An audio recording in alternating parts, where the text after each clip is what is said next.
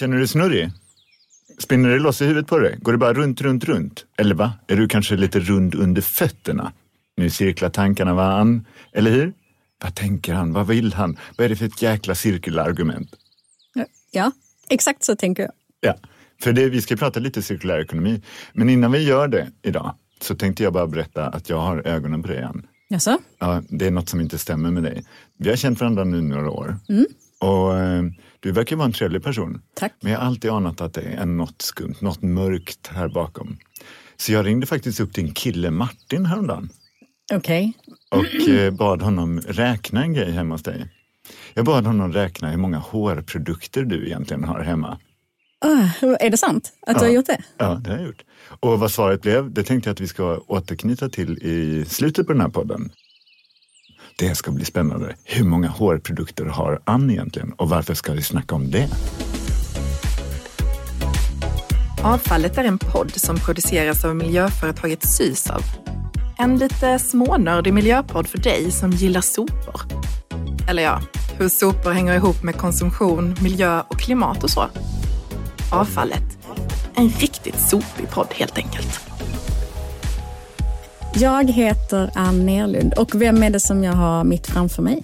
Det är jag, Rusta Nilsson, din poddkollega. Vi är miljöpedagoger på Sysav och idag så spelar vi in det här avsnittet på Umami Produktion. Ja, och vi kommer få gäster här strax. Precis. Och innan gästerna kommer så tänkte jag faktiskt, det är två grejer som jag tänkte ta upp med dig. Det är en rapport och ett Instagram-inlägg. Rapporten heter Avveckla köp och slängsamhället. Fem politiska styrmedel för ökad livslängd hos konsumentprodukter. Inlägget på Insta handlar om att eh, influencern Therese Lindgren inför kriterier på samarbeten för att bidra till minskad kladdkonsumtion. Vem är Therese Lindgren? Precis. Vi ska eh, kort nämna henne också. Men det här tycker jag är två intressanta grejer som jag hade tänkt snacka med dig om. Okej, kör. Vi startar med rapporten om de politiska styrmedlen. Eh, Det är fem styrmedel som presenteras och diskuteras i rapporten och de är följande. 1. Reparationscheckar och reparationsfonder. Vet du vad det är? Nej. Nej. Det finns faktiskt eh, idag i Österrike redan i Wien och rent praktiskt innebär det att konsumenter får en reparationscheck som de kan använda för att få rabatt vid reparation. Så till exempel cyklar, kläder, vitvaror och skor. Och det här finns som sagt redan. Det här är inte ett helt, helt nytt förslag. Eh, nummer två. Information om livslängd och reparerbarhet för produkter. Någon kommentar? Ja, det här är ju en idé jag har haft jättelänge. Jag tycker att man borde kunna köpa saker och ting baserat på livslängd. Det vill säga att ifall du har en säng som kostar 3000 spänn men den har bara en garanti på tre år. Då kostar den alltså 1000 spänn per garantiår. Men ifall jag köper en säng som kostar 10 000 men som har en garanti på 30 år. Då blir ju den billigare per garantiår. Och kunde man på något sätt garantera att man faktiskt får ha en hel säng under hela den här tiden. Då blir det billigare att lämna sådana här garantier. Så det tycker jag låter toppen. Och då hade det här märkningssystemet eh, haft information om livslängd och slitstyrka för material och så vidare. Eh, nummer tre. Minimikrav på produkters reparerbarhet. Absolut. Det är klart att de ska gå att reparera. Särskilt nu som många produkter vi vet är designade för att inte kunna repareras. Nummer fyra. Förbud mot kassering av oanvända produkter. Utmärkt. Eh, Vill du inte säga något mer? Nej, tummen upp. Och så sista, förbud mot planerat åldrande. Och här finns det ett engelskt uttryck som jag verkligen inte kan säga som betyder planerat åldrande som heter typ så här absolut. Kan du säga det? Eh, menar du planned obsolescence, Ann? Ja. Säg efter mig. Planned obsolescence. Plan obsolescence. Bra. Så vad tycker du om de här eh, förslagen på politiska styrmedel då? Jag tycker att de låter toppen allihopa och det här sista är ju verkligen helt sjukt att man får designa grejer som ska gå sönder. Eh, och sker det, förbjud det, förbjud, förbjud, förbud. Eh, I rapporten så tog de också upp att vid utformning av styrmedel så är det av vikt att ta hänsyn till kulturella och sociala normer eftersom det är starkt kopplat till vad, hur och när vi konsumerar. Och här behövs ett normskifte, tar de också upp. Och detta leder oss in på Instagram-inlägget och då influencern Therese Lindgren. Och innan vi pratar om hennes inlägg så ska du få gissa hur många följare hon har på Instagram. Utan att veta vem Therese Lindgren är. Ja, hon är en av Sveriges största influencers kan man väl säga. Okej, men då säger jag att då har hon två miljoner följare. Då. Hon har en miljon, det tycker jag är skitmycket. Ja. Therese Lindgren är då en av Sveriges största influencers och eh, hennes plattform är också en reklamkanal som företag är villiga att betala för att synas i. För nu alldeles nyligen, på hennes Insta så la hon upp ett inlägg eh, med foto på sig själv och texten “Ingen mer reklam för fast fashion”. Och tillsammans med Johanna Leiman som är hållbarhetsexpert så har hon tagit fram ett gäng kriterier eller krav för framtida modesamarbeten. Och Johanna Leiman, Rustan. Henne varit- känner vi. Henne känner vi, hon har ju varit med i podden. Ehm, Men jag måste bara stanna här. Mm. Jag känner mig jätte, jätte, jätte, jättegammal nu. För att jag Mm. du är också jätte, jätte, jätte, jättegammal. Ja, i relation till dig. Vad är hon för någon, Therese Lindgren? Vad brukar hon influensa om? Jag tror det främst har varit kring eh, livsstil, kläder med. också. Eh, Men några av de kraven då som hon faktiskt ställer på modesamarbeten då i, i framtiden. Företagen måste ha koll på hur stor klimatpåverkan de har idag. Tydlig plan för att minska sina utsläpp. Inte ägna sig åt greenwashing. Det här tycker jag är lite svårt. För skulle man fråga ett företag så här, eh, ägnar du dig åt greenwashing i ditt företag? Nej, tror jag att de flesta skulle säga. Och det här inlägget som hon la upp då om detta, det har idag när jag kollade upp det ehm, fått 57 068 likes.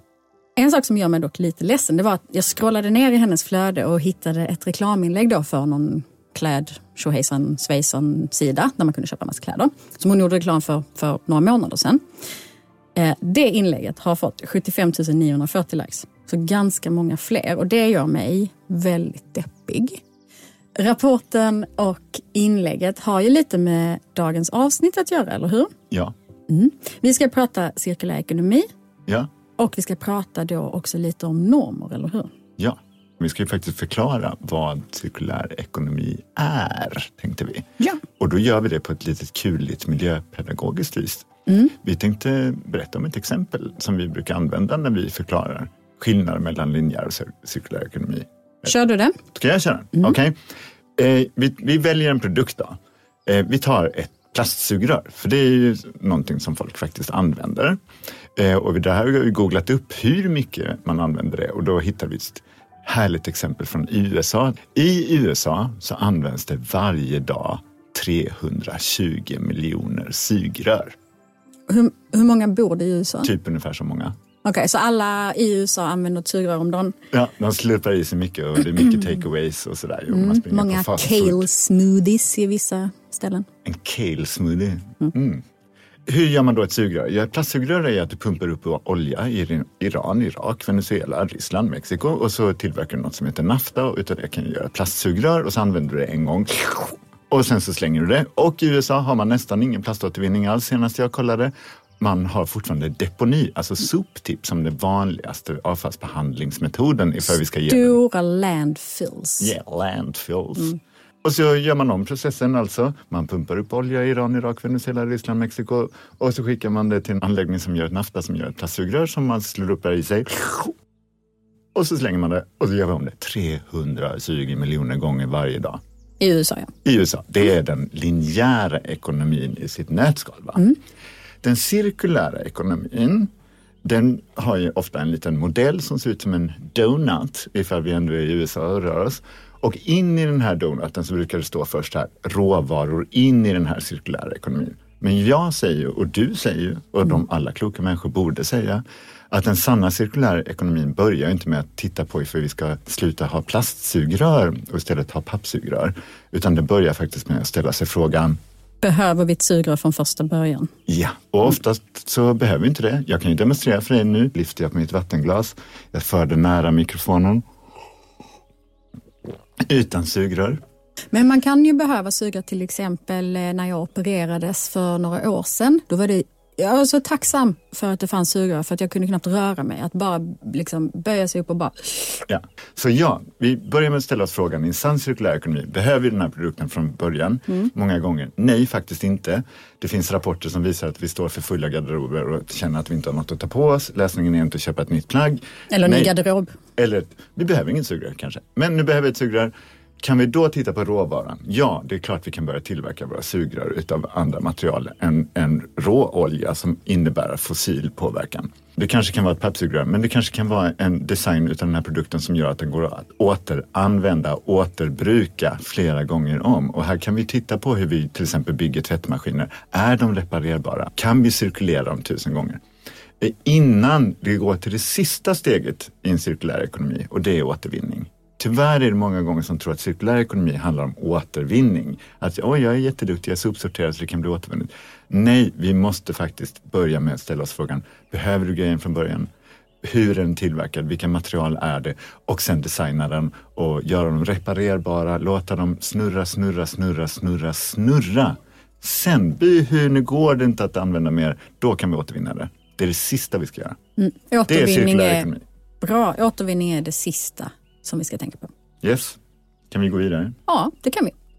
Ja, så vi ska alltså prata cirkulär ekonomi, men det är inte du och jag som ska sitta och blöja om det bara, utan vi har fått hit fantastiska gäster som kommer strax, eller hur? Vilka då? Ja, om en stund så kommer Lina K. Wiles och Andreas Anderholm Pedersen. Men innan de kommer så ska vi ju lyssna på någon annan. Ja, för att vi ska ju alltså prata cirkulär ekonomi utifrån ett arbete som genomförts utav något som heter Delegationen för cirkulär ekonomi. Så vad är då delegationens uppdrag? Ja, för att ta reda på det så ringde jag ju upp Åsa Domeij som är dess ordförande.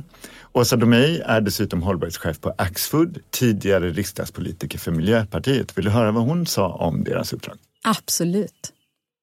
Ja, Delegationen för cirkulär ekonomi eh, har ett uppdrag från eh, regeringen att jobba för en mer cirkulär eh, ekonomi och vara eh, ett stöd till regeringen och, och, komma med bra förslag och också vara den här lite grann spindeln i nätet och hjälpa till med eh, samverkan eh, inom cirkulär ekonomi.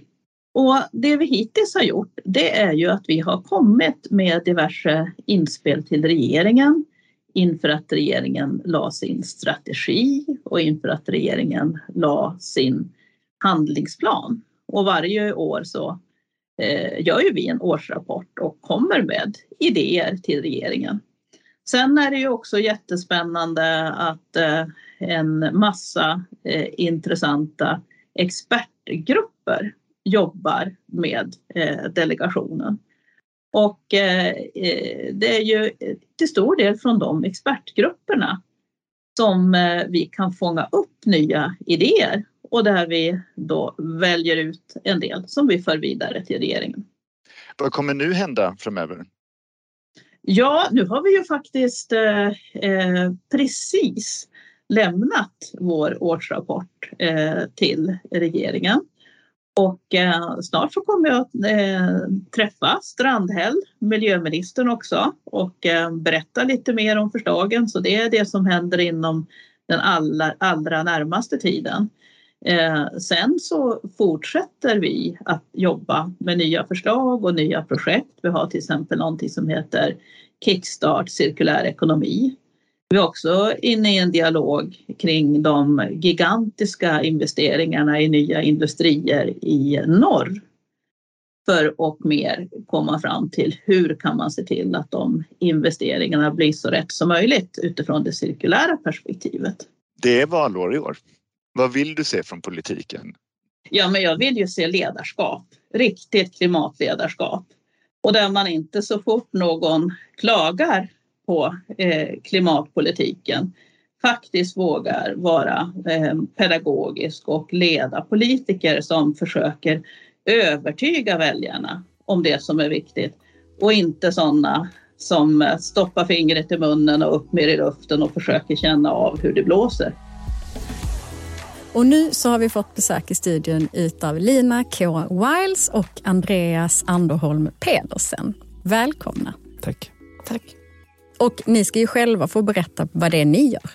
Ja, och jag tänkte vi ska börja med dig Lina. Mm. Eh, du har ju suttit som ordförande för en av de här expertgrupperna som Åsa nämnde. Eh, vilken då och vad har ni gjort? Ja, jag sitter fortfarande som ordförande för expertgruppen för cirkulärt normskifte som det så fint heter. Ehm, och vi har ju då tagit på oss att eh, titta på de bredare sammanhangen i den cirkulära omställningen. Ehm, för vi kan konstatera att det behöver ske fortare och ske bredare och då handlar det kanske inte bara om materialströmmar och teknik utan det handlar också om beteenden och vanor och normer just. Men till vardags jobbar du som hållbarhetschef på Elise. Kan du berätta lite först om vad det är för företag? Ja, eh, jag är på Elise Textilservice och Elise är faktiskt Europas största företag som jobbar med textil och hygienservicelösningar.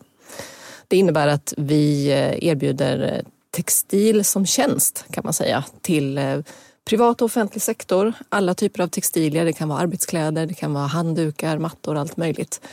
Och vi har en 70 år gammal affärsmodell som bygger på ett cirkulärt tänk. Det bygger på att eh, eh, vi erbjuder textilierna till våra kunder. Vi levererar dem, vi servar dem, vi tvättar dem, vi lagar dem, vi tar hand om dem så att kunderna slipper investera i textil, de slipper sköta det, de slipper tänka på det överhuvudtaget. Och därmed så är man också en del av ett cirkulärt system utan ens behöva tänka på det.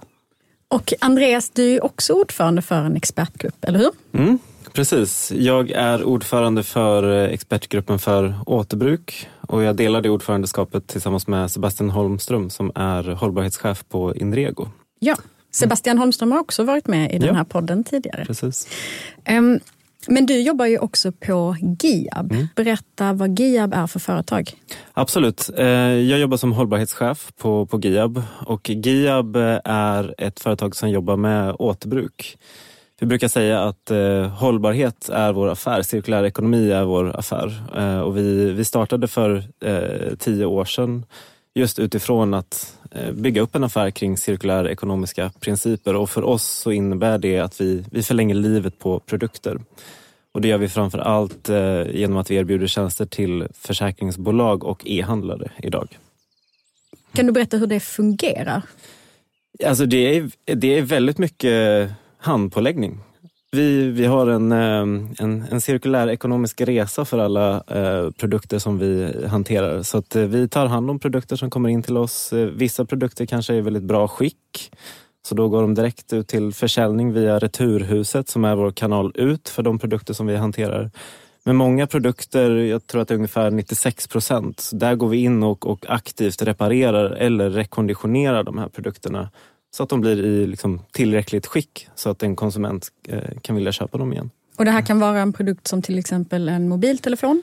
Ja, precis. Mobiltelefoner är ju vårt absolut största flöde är det. och vi hanterar väldigt mycket elektronik. Men eh, jag har exempel på att så förra året fick vi in en två meter hög tomte eller kanoter eller Ja, det, alltså det kan verkligen vara vad som helst. För vår kärna är återbruk av produkter. Vill du köpa en två meter lång tomte? Absolut, att ha på uteplatsen. Det var någon som köpte den. Så. Eh, innan vi går vidare nu så känner jag redan att vi har börjat slänga oss med en massa begrepp här. Eh, som kanske för alla lyssnare inte är helt bekanta. Så därför tänkte vi nu innan vi börjar prata vidare kring vad ni har gjort här i era respektive expertgrupper ska gå igenom lite av de här begreppen som vi slänger oss med i hållbarhetssvängen i vår lilla ankdamm. Och bara kolla vad ni tycker om dem. Det här är ett segment vi kommer att kalla floskelbarometern. Vi drar igenom lite några av de här begreppen. Ann, kan inte du bara lista upp dem lite så ska vi beta av dem sen? Jo, vi har då cirkulär ekonomi, resurseffektivitet, hållbarhet, hållbar konsumtion, cirkulent, normskifte, miljövänlig, klimatpositiv, klimatneutral, netto nollutsläpp, återvinning, återanvändning, återbruk, planetära gränser. Ska vi titta lite på de här? Tror ni eh, att cirkulär ekonomi är ett begrepp som är, är väl etablerat och vad de flesta människor faktiskt vet vad det betyder? Alltså jag skulle säga att det blir mer och mer etablerat, framförallt inom näringslivet eh, idag. Men absolut att gemene person tror jag inte har eh, någon stor eller större bild av vad cirkulär ekonomi är. Eh, det räcker med att jag frågar olika personer i min släkt och, och så här, vad jobbar jag med egentligen? Då tror alla att jag jobbar med återvinning. Så cirkulär ekonomi är mycket bredare än så. Vad säger du Lina? Nej, men jag kan bara hålla med om det och jag, vi kan också se det i, i min verksamhet där vi jobbar med cirkulär ekonomi varenda dag men det är långt ifrån alla eh, utav mina kollegor som, som känner sig bekväma med det begreppet, liksom, även om det är, det är vår vardag. så känns begreppet lite konstlat kanske. Mm. Ser ni att det finns något problem med just att det känns så långt ifrån människor som inte arbetar med hållbarhet? Är det ett problem att begreppen är svåra att förstå i sig? Men det, det, det, tror jag absolut. Jag tror att det är ett jätteproblem och, och jag tänker att hela, framför allt klimatfrågan har ju liksom drivits från forskarhåll så det blir väldigt mycket komplexa begrepp som gör det svårt för gemene person att liksom ta sig an det på, på riktigt. Så jag tror absolut att vi vi behöver, vi behöver förenkla och framförallt anpassa begreppen och hur vi pratar om, om de här frågorna så att ja, men gemene person kan ta till sig det på riktigt och förändra sitt eh, beteende. Andreas, då vill jag knyta an till det här du sa eh, angående återvinning, att dina egna släktingar tror att du jobbar med återvinning fast du jobbar med återbruk som du säger. Kan vi gå in på de här begreppen? Återvinning, återanvändning och återbruk. Ja. Eh, vad tycker du om dem? jag, jag, tycker väldigt bra saker om dem, absolut. Eh, nej men, eh, så här är det ju, det finns ju inga fasta definitioner för de olika, men, men jag brukar tänka för att göra det enkelt för mig själv att vi återbrukar produkter, vi återvinner material. Återanvändning kan man använda inom både produkter och material. Så man kan ju återanvända ett material, man kan också åter, återanvända en produkt när vi går in och återbrukar någonting så eh, får jag mer liksom en, så, en industrikänsla. Så det är, jag brukar använda återbruk när vi pratar om GIAB, för vi går in och liksom fixar och lagar olika saker. Så återbruket fokuserat på användandet igen av materialet är, är bra. Då kommer vi in på det begreppet som heter cirkulent som har börjat få lite fäste. Lina, vad tycker du om eh, ordet cirkulent istället för konsument? Alltså istället för konsument är det väl eh, är det ju vettigt, för det är ju dit någonstans vi behöver komma. Sen tycker jag eh, inte att begreppet är jättetilltalande för mig. Jag tycker det låter, då är vi där igen att det blir lite för det blir lite sökt. Liksom. Det vi pratar om egentligen är att man ska inte se sig som en förbrukare eller en konsument då, eh, utan en användare av resurser och material och mm. produkter. Det är det som är omställningen till en cirkulär ekonomi handlar om att vi ska nyttja eh, material och resurser istället för att förbruka dem och konsumera dem. Nu fick du vatten på din kvarn. Ja, väldigt skönt, för jag har själv varit rätt kritisk till ordet cirkulent. Jag har haft väldigt svårt att ta till mig det och jag tror att det också är svårt för andra Mm. att känna att man har med det att göra. Men får jag bara säga, jag, jag, håller verkligen med och cirkulär konsumtion har ju också kommit som begrepp nu också och där har jag också känt mig kritisk för att jag tror att vi behöver hålla oss till våra grundbegrepp. Att men konsumtion är konsumtion. Man kan konsumera produkter som har gjort en cirkulär resa och det är, det är såklart jättebra. Det finns miljövänlig konsumtion, hållbar konsumtion. Så det, det, det förvirrar, absolut. Mm. mm. Bra. Och vilket är det mest floskliga ordet då, Lina? Det måste vara miljövänligt. Det alltså? finns inget ord jag ogillar mer. För det är så tomt och det betyder ingenting vettigt. Eh, och används i så konstiga sammanhang. Andreas, har du också en floskel som du inte gillar? Ja, absolut, och det gör lite ont i mig att säga det, men det är nog cirkulent. Alltså jag är en sån jätteförespråkare för cirkulär ekonomi och den cirkulära omställningen, eh, så därför gör det ont. Men jag, jag, jag tror inte på, på det begreppet faktiskt. Nej, då ska vi kanske inte använda det idag. Nej. Tack. Nu går vi vidare tycker jag. Ja, det tycker jag.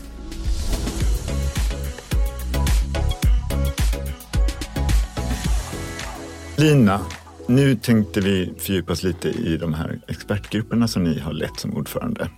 Och vad har ni egentligen gjort inom er grupp?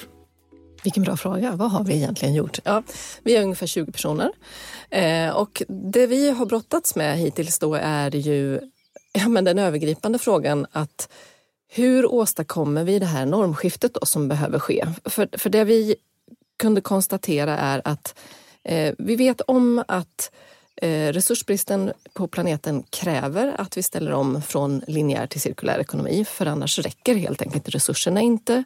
Dessutom så är det direkt nödvändigt för eh, att kunna lösa klimatkrisen. Eh, vi kommer inte kunna nå klimatmålen om vi inte ställer om ekonomin till en övervägande cirkulär ekonomi. Det är helt omöjligt. Men då har vi ju ganska kort tid på oss att åstadkomma det här då. Och då är vi lite oroade över att det tar sån våldsam tid om man ska göra det inkrementellt, alltså om man ska göra det steg för steg med små förbättringar och att man skruvar på system som redan finns. För att nu lever ju vi i en, eh, en ekonomi och en värld och ett samhälle och en vardag där allting egentligen är riggat för en linjär ekonomi. för det här vanliga slit och släng-tänket helt enkelt. Att vi tar ut naturresurser, gör saker av det, använder och slänger. Så det behövs ett normskifte med Precis. betoning på skifte. Ja. Eh, Och det måste är, gå snabbt, det är det som är utmaningen. Mm. Precis, och på tal om då utmaningen, då har ni upptäckt är de största hindren hittills för det här skiftet? Vi ser att det saknas kanske en gemensam vision eller en målbild för vad kommer det cirkulära omställda samhället vara för någonting? Hur kommer det vara att leva i den verkligheten? Hur kommer det vara att verka i den ekonomin och så vidare? Jag tror att det är väldigt, väldigt otydligt för de flesta idag vad det, vad det ens skulle innebära och hur en sån eh, värld skulle te sig. Och det tror jag är ett hinder för då, känns, då finns det ingenting som drar. Det är ingenting som lockar, det är ingenting som, eh, som motiverar mig som företagsledare eller som privatperson eller vad det nu är för någonting att driva mot, i den riktningen. För att vart ska vi någonstans då? Så den där gemensamma visionen har vi ringat in som, där tror vi verkligen att det behövs en, en kraftinsats. Då blir jag glad att höra, eller hur? Ann? Verkligen. Och då tänkte jag gå över till dig Andreas. Ja. För du har ju också varit ordförande för en expertgrupp som handlar om återbruk. Kan du inte berätta lite om det? Ja, nej men absolut. Vi är en grupp bestående av eh, oss från Giab, eh, Inrego, Blocket, Tradera, Myrorna, RISE och Avfall Sverige. Så vi har ju samlat i alla fall en del utav, av återbruksbranschen i, i Sverige egentligen. Eh, och vårt mål med det här arbetet har ju varit att eh, egentligen komma med förslag på hur, hur kan återbruket öka? Hur kan efterfrågan på återbruk öka i Sverige? Eh, och sen har ju också, jag tycker att det blivit väldigt tydligt med den här processen att ett, en, ett delresultat som har blivit av det är att, är att vi har faktiskt vi har samlat den här branschen eh, och som jag tror kommer få väldigt många positiva effekter senare också. Och vad har ni kommit fram till då? Ja, ett av de viktigaste förslagen som jag tycker eh, som vi har kommit fram till är ju att, att, att jobba med återbruk är dyrt. Eh, det kräver väldigt mycket handpåläggning, det kräver väldigt mycket arbetskraft. Eh, och, och det, det är ju ett av de liksom, grundläggande problemen i, det här, i den linjära normen vi lever i. Det linjära är billigt, det cirkulära är dyrt. Så vi behöver göra det cirkulära billigare och det linjära dyrare. Så att vi, vi föreslår en, ehm, en, egentligen en statlig offentlig utredning som ska se över hur en grön skatteväxling kan eh, ja, men gynna eh, den cirkulära omställningen och återbruket i, i Sverige. Och, och egentligen är det ju rätt så konstigt när man tänker efter, alltså varför beskattar vi människor när vi kanske egentligen borde sk- beskatta material? För då får vi ju till det här skiftet, då får vi till mer arbetskraft som kan se till att cirkulera mer. Den här frågan gällande kostnader av det här handpåläggningsarbetet och de här flera stegen av manuellt arbete som då i Sverige innebär en hög kostnad i förhållande till den linjära produktionen som sker ofta i låglöneländer. Den, den föreslår ni att det ska bli lägre kostnad på själva arbetet och högre på materialen om jag har förstått det rätt. Men är det egentligen inte att våra löner här är bra löner och att det är lönerna i de här andra länderna som är för låga? Ska vi sänka våra löner här? Borde inte de höjas istället? Nej, men, eh, den stora problematiken är ju att vi är vana att betala alldeles för lite för jungfrulig råvara. Det är ju på tok för billigt med material eh, helt enkelt. Eh, där är det ju den stora problematiken. Vi är inskolade i ett ekonomiskt system där vi aldrig någonsin har betalat vad någonting kostar egentligen om du ska väga in alla, all påverkanskostnad i eh, hela eh, livscykelperspektivet. Och det är ju en läxa som vi måste snabbt eh, lära om nu. Att eh, de här kostnaderna finns faktiskt, men vi har inte betalat för dem. Och, och, för oss så ser vi att vi, eller för vårt företag så skulle vi få väldigt stora effekter om man till exempel sänker arbetsgivaravgiften för företag som jobbar cirkulärt eller med återbruk eller om man sänker momsen på återbrukade produkter och så. så att, eh, jag, jag tror inte att det handlar så mycket om, om löneläget eh, egentligen. Nej, det tror inte jag heller. Och Andreas, varför tror du att konsumtionen av återanvända produkter är försvinnande liten i relation till konsumtionen av nyproducerade produkter? Förutom prisbilden kan vi tillägga då. Ja, men vi, vi brukar säga att eh, det beror på att eh, återbrukade eller återanvända produkter, Ehm, eh, att det ofta känns eh, otryggt, ofräscht och krångligt för en konsument att, att handla det. Eh, köper du en ny produkt så, så vet du vad du får. Det känns tryggt, det känns enkelt, det känns fräscht helt Mm. enkelt. Så att, som företag så jobbar ju vi med det på, på olika sätt. Att vi, vi erbjuder garanti på saker som vi, vi säljer. Vi, vi ser till att liksom, putsa upp så att, så att det, Det känns Det- nytt. ja, men precis, Mm. så, att det, så att det känns nytt och, och tryggt. Liksom. Lina, vad har varit det roligaste med ditt arbete som ordförande för en expertgrupp? Eh, det roligaste har varit att vi har haft så otroligt spännande och dynamiska diskussioner i vår grupp. Eh, tack vare allas eh, enorma engagemang förstås, men också allas olika och väldigt djupa kompetenser inom olika områden. Det blir väldigt en spännande dynamik och spännvidd i diskussionerna vi har och vi får en ganska så bra gemensam helhetsbild över vad vi tror att problemen är och vad vi tror att lösningarna kan vara för någonting. Så det har varit otroligt spännande och, stimulerande. Och vad tar du med dig själv tillbaks till ditt arbete som hållbarhetschef på eh, Elise? Ja, men det är faktiskt det här att normer är mycket viktigare än man kanske tror, även fast vi, vi tänker inte på dem till vardags. Jag tänkte på det här nu när du pratar om varför de återbrukade och återvunna produkterna inte är så populära som, som nya produkter. Och det har ju väldigt mycket med normer att göra. Det har att göra med vad du upplever som, som trendigt, vad som du upplever som lyxigt, fräscht, eh, liksom vad som känns eh, hett på något vis av en eller annan anledning. Och då handlar det ju om att då måste ju vi för att åstadkomma ett normskifte se till att rätt saker får de här värdena eller upplevs ha de här värdena. Jag kan ge ett exempel från våran bransch som är väldigt typiskt. De flesta tycker att det känns väldigt lyxigt att bo på hotell och alla pratar alltid om att Åh, det är så underbart att sova i hotellakan för de är så otro- det känns otroligt lyxigt.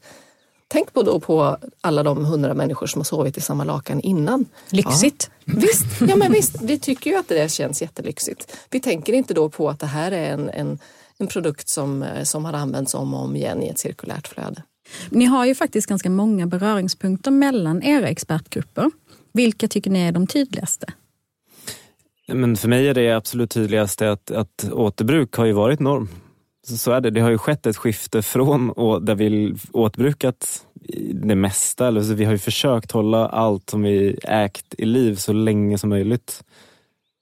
Till ett, nu där vi är idag, där det har skett ett normskifte där vi bara köper nya grejer hela tiden. Liksom. Så att det är ju den stora beröringspunkten. Ja, det är egentligen sen industrialismen som kan man säga som Ja. vi har tappat eh, fokus på. Eh, att hålla liv i saker och eh, hålla stolthet i att vårda och sköta och liksom, eh, ta hand om resurserna på bästa sätt eh, och istället konsumera. Mm. Ehm, Och nu behöver vi komma tillbaka lite grann till det tänket att sätta riktigt värde på de resurser som vi faktiskt har. För att de är begränsade och då, de räcker inte till alla ifall vi inte vårdar dem. Mm. Och Andreas, vad har varit roligast tycker du att vara med i den här expertgruppen?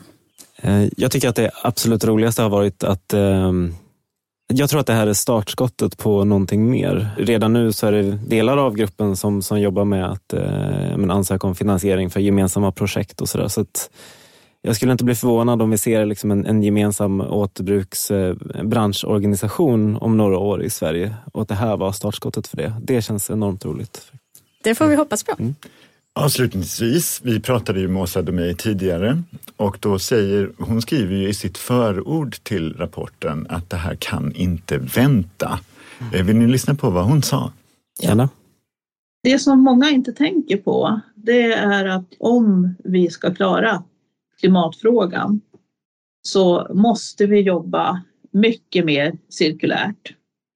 Annars så, så går det inte. Det blir eh, helt omöjligt att nå klimatmålen och då handlar det ju inte bara om materialåtervinning utan det handlar ju om att använda det som har tillverkats längre. Alltså att det är högre kvalitet på det som tillverkas. Så att antingen den som först har skaffat sig en viss produkt kan använda den längre själv eller att den kan fungera på begagnatmarknaden, uthyrning och eh, delningsekonomi. Så att vi måste ju tänka på ett helt annat sätt och då, då är det ju väldigt spännande att vi numera har en expertgrupp som, som handlar om just normskifte också.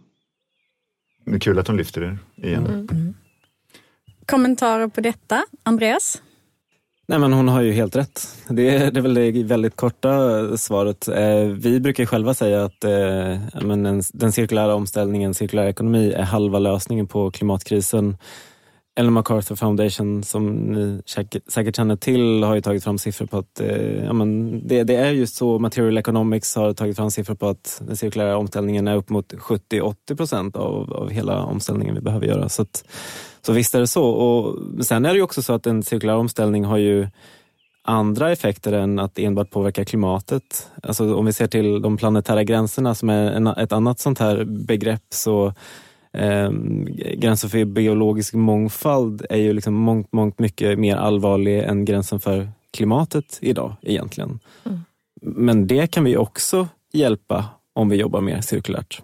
Nej, men jag kan också bara hålla med. Eh, och normskiftet är ju nödvändigt för att för att vi ska komma till den här lösningen då, som är halva lösningen på mm. klimatkrisen, eh, åtminstone, eh, så behöver ju det cirkulära bli eh, det normala utgångsläget. För idag är det fortfarande så att ska du göra någonting cirkulärt, då är det ett aktivt val. Det är ett tillval, det är ett specialcase. Liksom.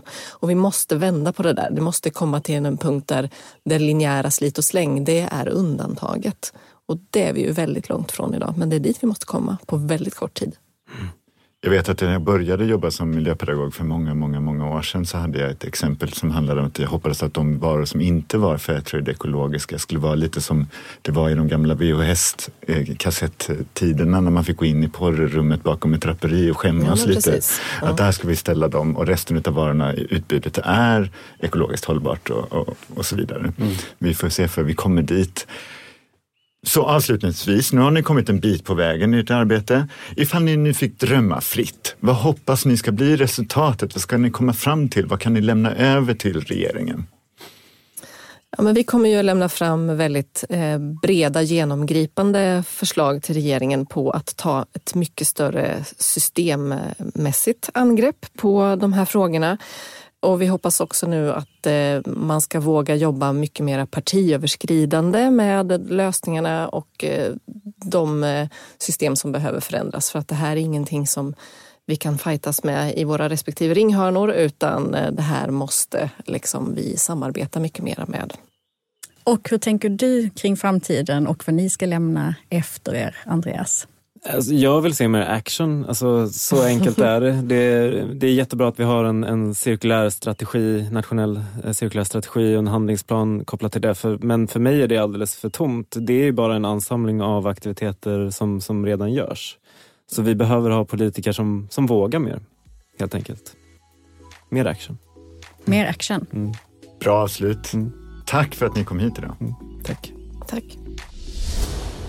Och jag vill ju passa på att säga till alla lyssnare att vill ni läsa mer så finns alla de här rapporterna på Delegationen för cirkulär ekonomis hemsida att ladda ner och läsa och fördjupa sig i.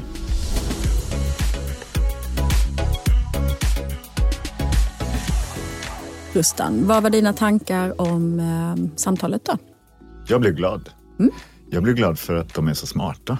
Ja, det är jätteskönt. För ifall den här delegationens arbete syftar till att ge regeringen underlag för att fatta rätt beslut, då är det väl skönt att så pass kloka människor eh, ligger bakom det arbetet. Mm. Båda kan verkligen sin sak, det hörs ju och som Lina var inne på, det är en stor bredd i, i expertgruppen. Det är många olika perspektiv och det båda väl gott nu ifall regeringen ska fatta bra beslut för vår framtids skull. Hur kände du?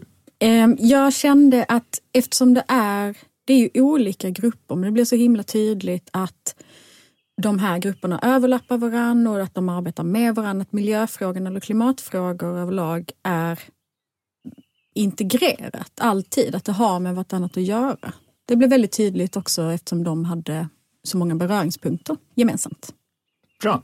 Mm. Nu skuttar vi vidare. Eh, ska vi klämma in Maria? Klämma in Marias hållbarhetstips menar du? Ja, det här är ett stående inslag ifall man stående räknar två gånger, för nu kommer den andra. Hållbarhetstipset med Maria Lindman. Nu är det äntligen odlingstider. Här kommer några tips för dig som gillar jord under naglarna. Längtar du efter nya växter? Ordna en sticklingsbytardag med vänner, grannar och bekanta. Ett perfekt sätt att på ett hållbart sätt öka växtbeståndet hemma. Sticklingar är dessutom trevliga hållbara presenter. Har du trädgård eller odlingslott och behöver redskap? Istället för att köpa nytt så kan du kanske låna av en granne eller hyra. Trädgårdsavfallet lämnar du förstås på återvinningscentralen så blir det till grönkompost. Följ Sisa på Instagram för fler hållbara tips. Eh, vilka bra tips Maria har, även för oss som inte har en trädgård. Ja, och kul tips för mig som har en trädgård. Ja, just det. Du, eh, har du suttit och varit lite sky nu för vad jag fick reda på när jag ringde upp din kille Martin och frågade om dina hårprodukter? Ja, du har malt i bakhuvudet faktiskt under hela, hela tiden. Varför tror du att jag ringde upp honom för att kolla hur många hårprodukter du har? Ehm, för att jag har så många. Nej, det var bara någonting jag gissade på. Jag tog bara en av alla grejer jag kunde tänka sig att du hade. Tycker du att jag har så fint hår? Ja, just det. Det var därför. Nej, jag kommer tänka på det här därför att jag såg ett tv-program som heter Sortera upp ditt liv som går på TV4. Det handlar om familjer som har, de bor som man gör. Det vill säga att de har ganska mycket prylar. Och det här programmet gick ut på att man helt enkelt fick packa ner alla sina prylar och så lades de här prylarna ut i en stor lagerlokal och så fick man komma dit och så skulle man rensa bort minst hälften av alla sina prylar. Åh, gud vilket eh, kul program. För det är helt sjukt hur mycket grejer de har. De hade 11 iPads, de hade 14 riskakerullar. eh, alltså det var, det var en gal- på sätt och vis tror jag kanske inte att de är eh, norm, men jag tror att de delar det här med många. För att de bodde ganska trångt, 87 kvadratmeter, tre barn i Stockholm. Och eh, de klämde in grejerna och det gjorde också att de hade ingen koll på vad de hade så de köpte nya riskakor fast de redan hade 13 riskakepaket. Vi har varit inne på det här en gång i tidigare avsnitt när du pratade om Hej, vill du köpa spiskummin garageplats när du skulle köpa ny bostad, eller hur? Kära lyssnare, lyssna på det avsnittet. Det är ganska roligt. Det handlar om helt enkelt om att vi räknar ut vad är kostnaden yta att köpa till spiskummin Kvadratdecimeter på Ja. fyra spiskummin. beroende på kvadratmeterpriset där man bor. I Malmö är det ganska högt. Därför ringde jag upp din kille Martin och så sa jag så här, du kan du kolla upp hur många produkter, eh, hårprodukter Anna har? För jag anar att spiskummin skulle nog inte vara rekordet utav antal grejer. Vet du hur många hårprodukter du har hemma? Anna? Nej. 23. är du så fin i håret verkligen? Nej, det är väl just det som är grejen. Att jag önskar att jag var Varför har vi så 23. sjukt mycket prylar? Därför att nu har vi pratat cirkulär ekonomi. Vi måste prata mer om att vi kan inte hålla på att cirkulera miljarder saker helt i onödan. Vi måste inte- också sluta konsumera, överkonsumera och köpa grejer vi inte, som vi redan har eller inte ens behöver. Sluta köpa hårprodukter. Du behöver inte det. Använder du alla de där 23 hårprodukterna verkligen? Nej, för det är ju det som är grejen att jag kanske använder fyra. Och så resten står nog i skåp, så han har väl varit inne i skåpen och räknat. Som du har betalat kvadratmeterpris på att köpa den ytan ju när ni köpte bostaden. Mm. Okej, men det, det här programmet gick ut på att sortera i alla fall upp det nu så du ser vad du har och använder det du har. Kan vi komma överens om det, att du ska göra det? Ann Mm. Ja. Nälund. Absolut. Du har ju dessutom själv varit med i ett tv-program Ja, jag var med i Prylberget. som ligger ute på URs hemsida som också har en take på det här med vår konsumtion och vad den faktiskt har för konsekvenser. Och där är det inte för att vi ska sortera upp vårt liv för att det ska kännas bättre och se fint ut hemma utan det taket på det programmet är ju faktiskt miljön och klimatet. Och där går du runt med Robin Paulsson, Mm. Ja, komikern. I Och avsnitt två är jag med i. kan inte du berätta lite om din medverkan där? Jo, det var i ehm, slutet på förra sommaren så kom ehm, Robin till oss på Sysav och ville göra ett program kring textil framförallt, eller kring kläder. Eh, och vi har ju en textilsorteringsanläggning på Sysav som heter Siptex. Och där fick jag ju berätta för Robin Paulsson om Siptex och om textilsorteringen. Och det blev väldigt tydligt när man är i den anläggningen för där har vi ju balar med kläder som det är någon som har lämnat det till second hand till exempel och så går det inte att sälja vidare för att det är så pass kass kvalitet eller slitet. Men vad kul, så du är med, du har dina 15 seconds of fame i Mm. det tv-programmet. Prilberget. Spana in UR Play eh, så kan ni se alla avsnitten av Prylberget där. För det är ett jättespännande program. Det är med Robin Paulsson, det är med en antropolog som heter Katarina Graffman. De verkligen spanar in varför beter vi oss som vi gör. Vi behöver bli bättre Rustan. Så jag tänker att i det här programmet så ska vi lova någonting. Mm. Jag lovar att inte köpa fler olika slags hårprodukter än de jag faktiskt använder. Och du lovar, vadå? Då lovar jag att jag ska bli bättre på att tänka igenom vad jag verkligen behöver och vad jag redan har i alla segment i mitt liv. Ja, men det var ju ett jättestort lov, kan du inte bara lova? Vagt. Ja, precis. Kom igen, lova Jag är något. smart. Okej. Ska vi gå vidare? Ja.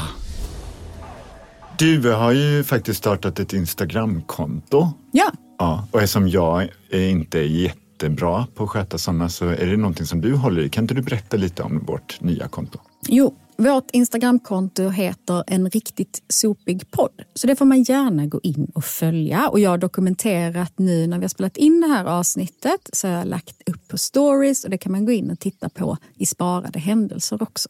Och det här startade vi för att vi ville ha en dialog med dig kära lyssnare också där du kan skriva till oss och där vi kan liksom också utveckla vissa saker vi kanske sagt i podden eller lägga upp lite bilder som kan vara kul att se. Så häng med där tycker jag. Men du, hur många följare har vi på det här kontot? Har vi börjat närma oss hon, vad nu hette, Therese Lindgren? Therese Lindgren har då en miljon följare och vi har hela 82 perfekta följare skulle jag vilja Det är säga. de bästa följarna skulle jag säga. Ja, fast vi har bara varit igång ett par dagar va? Ja. så in, likea och följ så kanske vi slår Therese Lindgren nästa vecka. Vi får se. Nu närmar vi oss verkligen slutet på poddavsnittet. Kan inte du bara snabbt berätta, vad händer lite framöver? Jag projektleder någonting som heter Sysavdagen som kommer vara 22 april. Och där är det också två moderatorer. Vilka är det? Ja, det är två otroligt charmiga personer som har en podd också som ska moderera Sysavdagen. Det Just vill det. säga du och jag. Kul. Precis. Och dagen kommer att fokusera på klimatfrågan och Sysas klimatambition. Och den kan man gå in och anmäla sig till. Och där kan man lyssna bland annat på Marko Rummukainen som Mm. är klimatforskare och svenska representanten i IPCC. Och Åsa Stenmark kommer vara där som är nationell plastsamordnare. Mm, så in och anmäl er. Ni kan hänga med digitalt eller på plats ifall ni är här nere. Då får ni lunch också. Så 22 april, Sysadagen, missa inte. Ja, är du snurrig nu Rustan? Ja, på ett bra sätt. Som man blir av cirkulär ekonomi. Precis. Hur känner du? Ja, men jag känner mig jättebra efter det här avsnittet. Tack så jättemycket för att ni lyssnade. Tack och hej! Hej! Det här var en podd producerad av miljöföretaget Sysav. Glöm inte att följa oss på sociala medier. Där heter vi Sysav. Avfallet. En riktigt sopig podd helt enkelt.